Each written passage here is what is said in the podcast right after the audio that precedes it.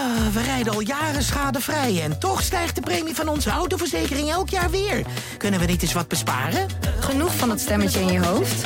Even Independeren. Daar word je altijd wijzer van. Vergelijk nu en bespaar. Welkom bij Independer. Aflevering 2. Beul in Amersfoort. 1. De appelbel klonk vroeg die zondagmorgen vroeger dan normaal, wat tot onrust leidde onder de gevangenen, die zich in hun stapelbedden warm probeerden te houden. Zo hoorde rumoer. Iemand denderde de barak binnen. Zo'n SS'er met een grijs uniform en een pet met een doodskop. Hij sloeg wild met zijn knuppel in het rond. Eraus, hoender! Schreeuwend en vloekend joeg hij de gevangenen de vrieskou in. Wie treuzelde, kreeg er van langs. Het was nieuwjaarsdag 1945. De bewaarders van kamp Amersfoort waren woest dat de avond daarvoor twee gevangenen waren ontsnapt. De rest moest boeten. En dus haasten zeker duizend schaars geklede mannen zich nu bibberend naar de besneeuwde appelplaats, waar ze in de houding moesten gaan staan. Toen begon het getreiter. De bewaarders, die volgens sommige getuigen zwaar onder invloed waren, blaften commando's naar de gevangenen. Hinlegen, aufstehen, hinlegen. Gaatmagere mannen moesten gaan liggen, weer opstaan, door de sneeuw robben, rollen, kikkeren, en ondertussen kregen ze er met de knuppel en zweep van langs. Dolle bewaarders dansten over de ruggen van de kruipende gevangenen en planten hun laarzen in gezichten, waarna slachtoffers bleven liggen, met verwrongen mond, als in een schreeuw ten hemel, zoals een getuige zich later herinnerde. Vooral de Nederlandse SS'er Willem van der Neut maakte een zeer sadistische indruk, schreef een gevangene na de oorlog in een schriftelijke getuigenis aan het Directoraat-Generaal voor de bijzondere rechtspleging. Deze heb ik persoonlijk van knuppel zien verwisselen, aangezien de vorige in zijn handen op de ruggen van de gevangenen was afgebroken, tot er nog een klein stompje over was. Ontsnappen aan de mishandelingen was onmogelijk. Wie probeerde zich te verschuilen in de ziekenbarak, werd door de bewaarders weer naar de appelplaats gesleurd. Ze waren ten laatste volkomen uitgeput, zei Johan Scheps na de oorlog. Desmiddags tegen drie uur werd eindelijk de strafoefening gestaakt. Waarschijnlijk doordat de beulen zelf vermoeid geraakten. Toen pas kregen de ergste gewonden een behandeling. 2. Station Maren. Een dinsdagochtend in maart. 75 jaar na het bloederige nieuwjaarsappel. Ik stap uit de stoptrein, het miezert. Als ik met mijn rolkoffer de trap afdaal, zie ik Fokko al breed lachend in de tunnel staan. Hoe is het? vraag ik. Ja, best, zegt hij, onderkoeld als altijd, zijn ogen twinkelen. Fokko en ik gaan op reis. Een beladen reis, want hij is de zoon van Willem van der Neut. De zoon van een van de sadistische kampbewaarders die gevangenen afranselde in de sneeuw. Na de oorlog wist van der Neut uit de gevangenis van Breda te ontsnappen, waarna hij in de Duitse stad Oeslaar een nieuw leven opbouwde. Fokko, die net na de bevrijding geboren werd, hoorde daarna nooit meer iets van hem. Samen gaan we op zoek naar sporen. We wandelen naar zijn rode Renault Clio, mikken mijn koffer in de achterbak en stappen in. Blijft de hele tijd regenen, zegt Fokko. Dat past wel bij deze geschiedenis, zeg ik.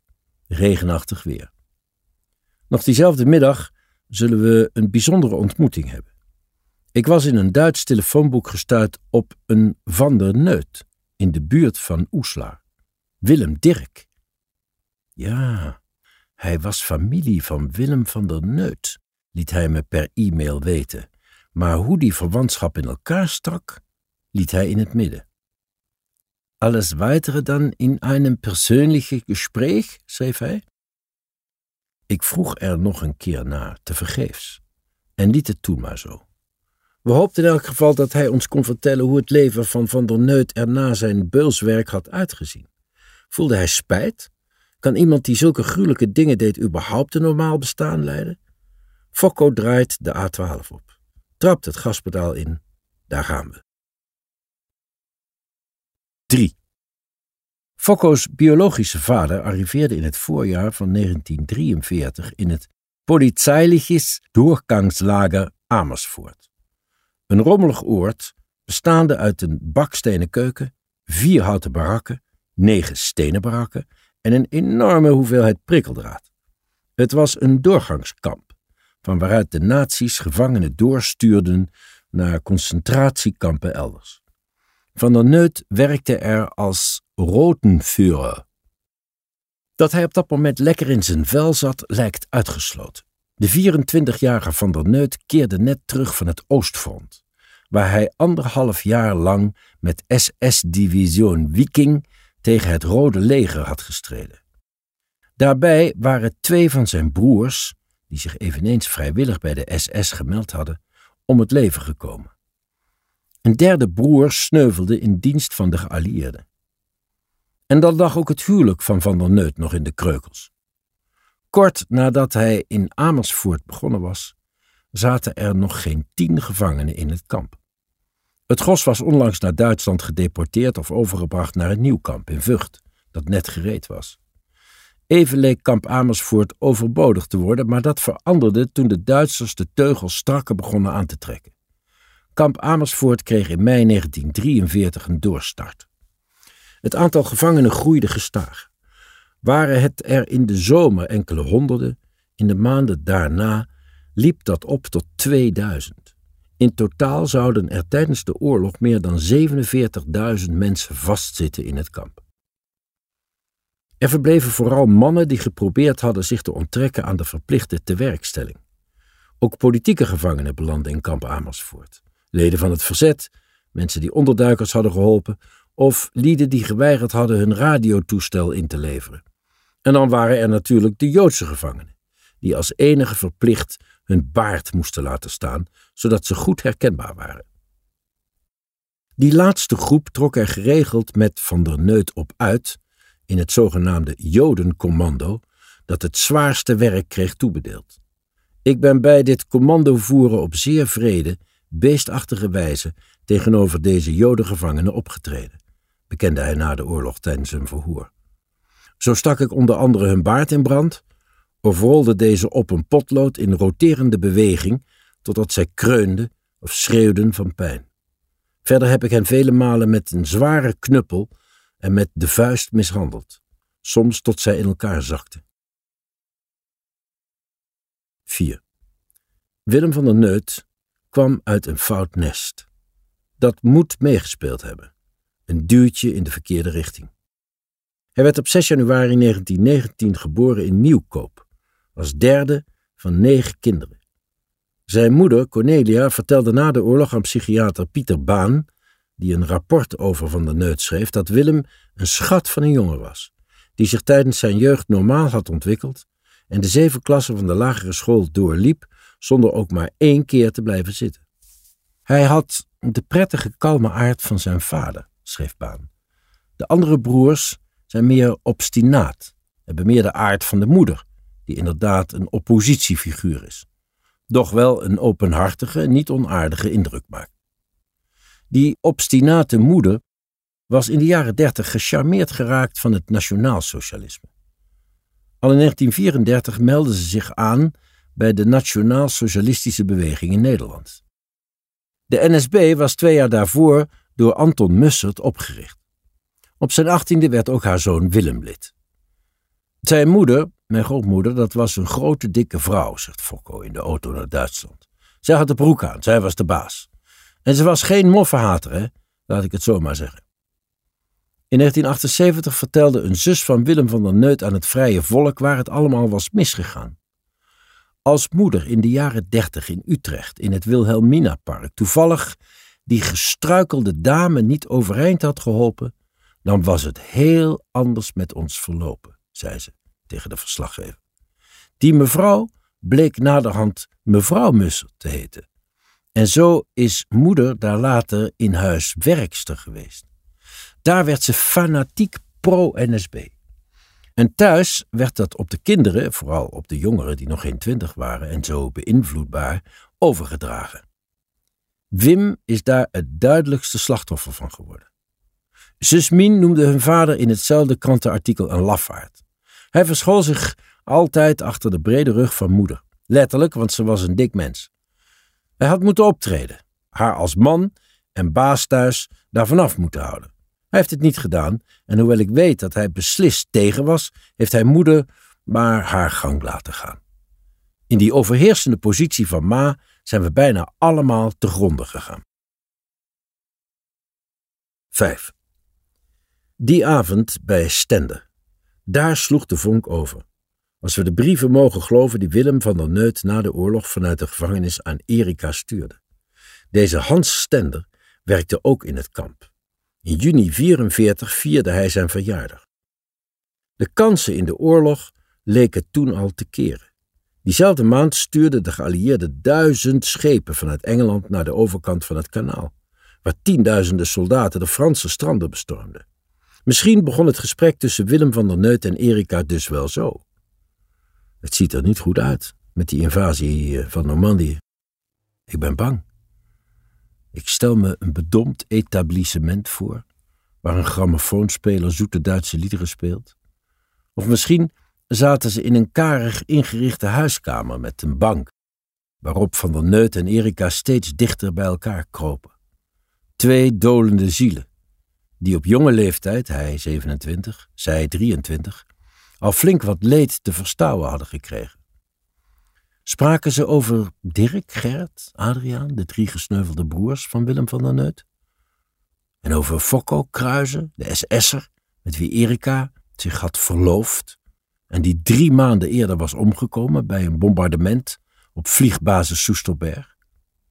Het is goed mogelijk dat ze hun eigen verdriet weerspiegeld zagen in de ogen van de ander. Ik heb toen de hele avond met je zitten praten en je begreep me, schreef Van der Neut in 48 vanuit de gevangenis aan Erika, die hij soms liefkozend Erik noemde, terwijl je zelf pas zoveel had verloren. Je had nog tijd en plaats voor de armoede en ellende van de ander. Ja, Erik, die avond ben ik van je gaan houden. Uit een andere brief. Na de gesprekken die we die avond samen hadden, kwam ik tot de ontdekking dat toch niet alles even rot is en slecht is als ik dacht. 6. Een speciale liefhebberij van Van der Neut was ons te laten wieden tussen de prikkeldraadversperringen, zei de 34-jarige onderwijzer Marcus Meens op 23 november 46 tegen de recherche. Op ons buik moesten wij dan tussen het opgerolde prikkeldraad kruipen waarbij Van der Neut met een stok tussen het draad door ons opjoeg. Zelfs mensen van hoge leeftijd liet hij dit werk verrichten, waarbij men verward raakte in het prikkeldraad en aan alle kanten zich verwondde. 7. Toen hij aanpapte met Erika was Willem van der Neut geen vrij man. Een kilometer of twintig verderop in Hilversum woonde zijn echtgenote met hun vierjarige dochter Corrie en baby Ali. Hij kwam er niet of nauwelijks. Na de oorlog schreef Van der Neut aan Erika hoe de twee elkaar ontmoet hadden. Het was 36, zijn vrienden hadden allemaal een vriendinnetje. En ook hij begon als 17-jarige een door de natuur gedreven belang te stellen in het vrouwelijke geslacht. Hij leerde Maria kennen, nam haar mee naar de bioscoop en wachtte haar op na zangles. Aanvankelijk was dat allemaal vooral vriendschappelijk en om niet bij de anderen achter te blijven, zoals hij aan Erika schreef. Maar na verloop van tijd gebeurde toch wat nu eenmaal niet uit kan blijven als twee geslachten veel met elkaar omgaan. In die naoorlogse brieven aan Erika schreef Van der Neut ook dat ze vaak met elkaar bakkeleiden en hij nooit van Maria gehouden had. En oh ja, hun huwelijk was een moedje geweest. In het najaar van 39 bleek ze namelijk zwanger. Nu was het helemaal niet meer mogelijk om een eind aan onze omgang te maken, schreef Van der Neut daarover. Maar daar was ook nog een andere gedachte die me bezighield en dat was: het zal met ons nog wel goed komen en ik krijg haar nog wel lief. 8. Hij vroeg hierna of ik honger had, omdat ik volgens hem, voor ik doodging, moest eten, verklaarde de 49-jarige Meijer A. van West tijdens een naoorlogs politievoer over Van der Neut. Tevens vroeg hij of ik graag rookte en meteen stak hij een sigaret op die hij evenwel onmiddellijk op mijn ontblote rug doofde. Verder vroeg hij mij of ik getrouwd was en kinderen had, en of ik zijn revolver wel eens gezien had, waarmee hij me om vijf uur zou doodschieten. Het was op dit moment tien minuten voor vijf, en precies om vijf uur richtte hij, nadat hij wat met het wapen gespeeld had, de loop op mijn slaap. Hij telde tot drie en haalde de trekker over. Het schot ging echter niet af. En hij merkte op verrek. Nu heb ik hem vergeten te laden. Even een paar boontjes erin doen. Hij liet mij hierop de patronen zien en laadde de revolver. Wederom zette hij de loop op mijn slaap, telde tot drie en zei plotseling: Nee, laat ik nog een week wachten. 9.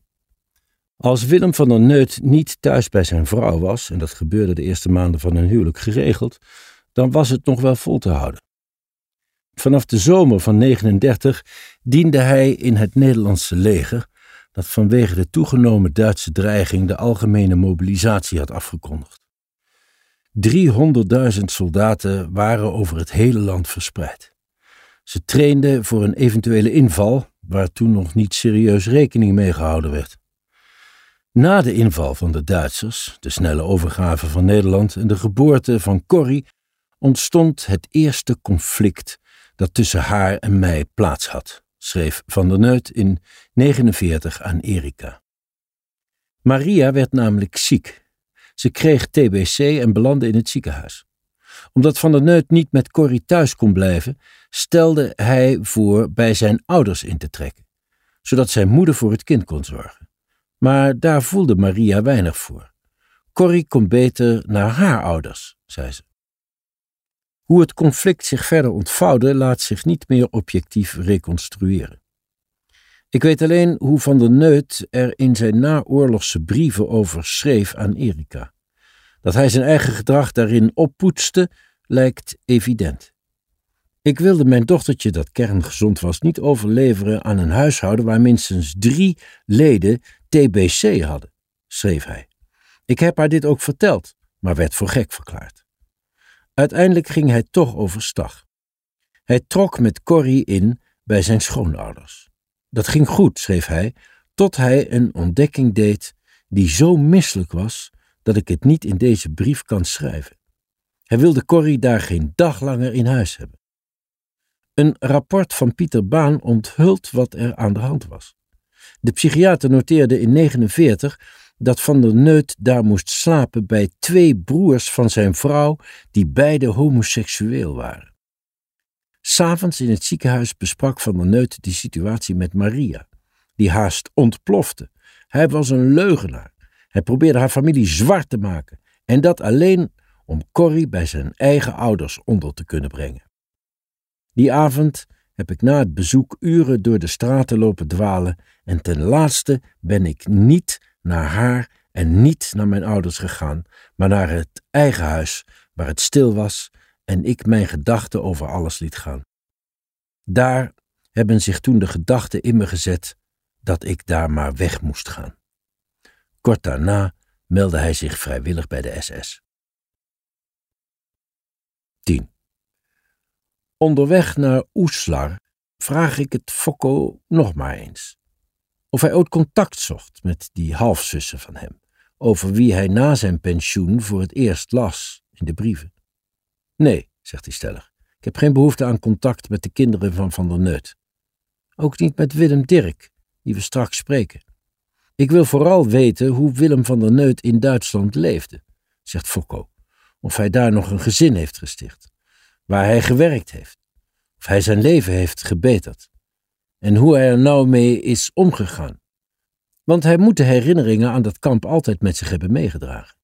Als je ziet wat hij uitgespookt heeft. 11. In het najaar van 44 kreeg Willem van der Neut er een klusje bij. De kampleiding selecteerde hem als schutter in het vuurpeloton. De executies in kamp Amersfoort lijken niet los te staan van de opmars van de geallieerden en de groeiende paniek bij de Duitsers. Op 5 september 1944 deed het gerucht de ronde dat de vijandige troepen al bij Breda zouden zijn. Veel NSB'ers en anderen die Duitsland welgezind waren, vluchtten op deze dolle dinsdag naar Duitsland. Drie dagen later schoten Van der Neut en consorten drie personen dood bij de grote schietbaan op de Leusderheide, op een steenworp afstand van het kamp. Na de oorlog bekende Van der Neut dat hij lid was geweest van meerdere executiepelotons. Veel details daarover heb ik niet kunnen vinden.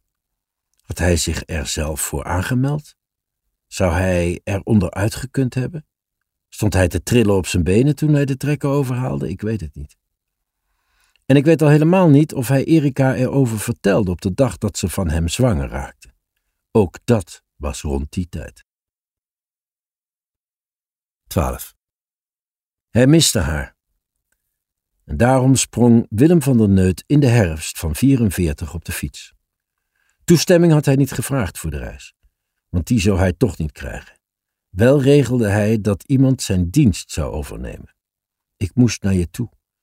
Er was niets wat me kon tegenhouden, schreef hij later vanuit de gevangenis, in een van de brieven waarin hij terugkeek op de periode dat ze koortsachtig verliefd waren. Erika was na operatie Market Garden vertrokken uit het kamp. Geallieerde troepen hadden gepoogd vanuit Eindhoven door te stoten naar Arnhem en Nijmegen, wat tot paniek in kamp Amersfoort had geleid. De Duitsers besloten de kampadministratie naar Oldenzaal te evacueren en Erika moest mee. Van der Neut vertrok die zaterdagmorgen om drie uur uit Amersfoort. Volgens zijn berekeningen zou hij dan rond het middaguur in Oldenzaal arriveren. Maar dat viel tegen. Halverwege, in zijn brieven sprak hij over Zwolle, maar het ligt meer voor de hand dat hij Deventer of Zutphen bedoelde, kreeg Van der Neut een lekke band. Hij klopte bij verschillende adressen aan, maar niemand kon of wilde hem helpen. Terwijl hij bommen hoorde vallen, zoals hij later schreef, besloot Van der Neut te voet verder te gaan. Ondanks de pech toch in jouw richting, want daar was ik niet meer van terug te brengen. Uiteindelijk lukte het hem een lift te regelen. En zo stond hij die zaterdagmiddag toch bij Erika voor de deur. Liefste, schreef hij in een andere brief, het was toen net of ik voelde dat je me nodig had. En toen ik daar voor je stond, wist ik dat het juist was. Je kon het daar alleen met al die vreemden niet meer uithouden en was dan ook blij dat ik naar je toe kwam. De terugreis verliep die zondag voorspoediger, schreef Van der Neut. Ik ging om een uur of acht bij je vandaan en was om drie uur weer terug. Ze hadden me geheel niet gemist. 13. Ook heeft Van der Neut tijdens werkzaamheden mij met een potlood in het oog gestoken, vertelde de Amsterdamse leerimporteur Nathan Keizer op 21 maart 47 tegen de recherche. Ten gevolge waarvan ik enige dagen volstrekt blind ben geweest, aangezien ik het andere oog miste, hetgeen deze bewaker bekend was. 14. Opeens haar stem. Willem van der Neut stond op wacht bij de slagboom van kamp Amersfoort. En daar was ze in de duisternis, Erika, helemaal uit Oldenzaal gekomen om afscheid van hem te nemen. Ze zou kort daarop naar Duitsland vertrekken, blijkt uit verschillende bronnen. Haar ouders achterna, die op dolle dinsdag het land ontvlucht waren. Mogelijk vreesde ze represailles, omdat haar vader zaken deed met Duitsers te paard. In de werkplaats achter het huis in Soest repareerde hij zadels en leidsels. Dus daar was Erika. Op de momenten dat Van der Neut niet met zijn knuppel achter de gevangenen aanzat, zullen ze gewandeld of gefietst hebben. Want allebei hielden ze van de natuur. En af en toe legde Van der Neut misschien een hand op de buik van Erika. Ze wisten al dat ze zwanger was. Na die paar gelukkige dagen bracht Van der Neut haar terug naar Oldenzaal, waarbij ze de laatste kilometers vanaf Hengelo moesten lopen. Een nachtelijke wandeling die Van der Neut meerdere malen in zijn brieven zou aanhalen. Niet veel later namen ze afscheid. Ze zouden elkaar pas na de oorlog weer zien. In een van die gevangenissen, van waaruit Van der Neut haar honderden liefdesbrieven schreef.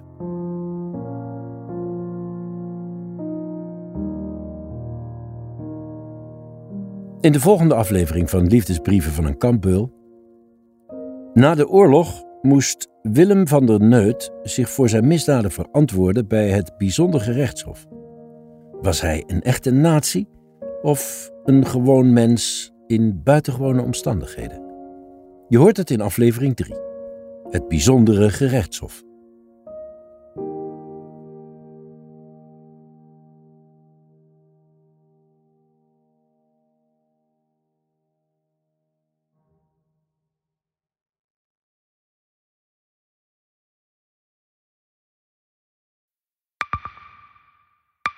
Zijn leven is overhoop gegooid. Plus dat heel veel mensen hem niet geloven. Vrienden niet, die, die denken, ja, hij is gewoon gek geworden. Hoe naar moet dat zijn? Als je vertelt over de meest indringende ervaringen uit jouw leven en niemand gelooft dat je het echt hebt meegemaakt. Ja, ik vind zelf niet dat ik het verzonnen heb, maar sommige mensen denken dat wel. Maar hoe kom je erachter of jij het doelwit bent van een geheime dienst? Ik heb ook wel eens meegemaakt dat je het idee hebt dat inlichtingdiensten in je geïnteresseerd zijn. En dan kun je wel heel veel zien, wat er misschien helemaal niet is. Als ik s'avonds nog iets ging eten, dan volgden die mensen mee naar het restaurant. En dan terug van het restaurant naar het hotel. Als zij op een gegeven moment zei, kijk maar uit, want anders word je dadelijk nog wat voert ook. Shit, ik moet hier weg. Dat is, is niet goed. Nu word ik gevolgd. Een soort Truman Show is het gewoon. Hè? Alsof dat hele straatbeeld voor jou is ingericht. Maar dan wel met bedoeling jou, jou niet door te laten. Dit kan geen toeval zijn. Een nieuwe podcast van de Volkskrant. Mijn naam is Simone Eleveld en samen met Huid Modderkolk ontrafel ik een bizarre operatie van de geheime dienst. Wat het doel ook is, jij verliest het. Ik werd opgepakt, heel lang ondervraagd. Maar hoe krijg je grip in een wereld die zo onderzichtig is? Als je zou liegen, dan zou je niet de meest relevante informatie twee jaar later tussen neus en lippen doorvertellen. Er zal nooit iemand zeggen, oké Bart, ik geloof je. Nooit, nooit. Dit kan geen toeval zijn. Vanaf 3 oktober bij de Volkskrant. Ik weet niet of ik ook alles kan vertellen. Het is echt te bizar. Wat? Ehm, ja,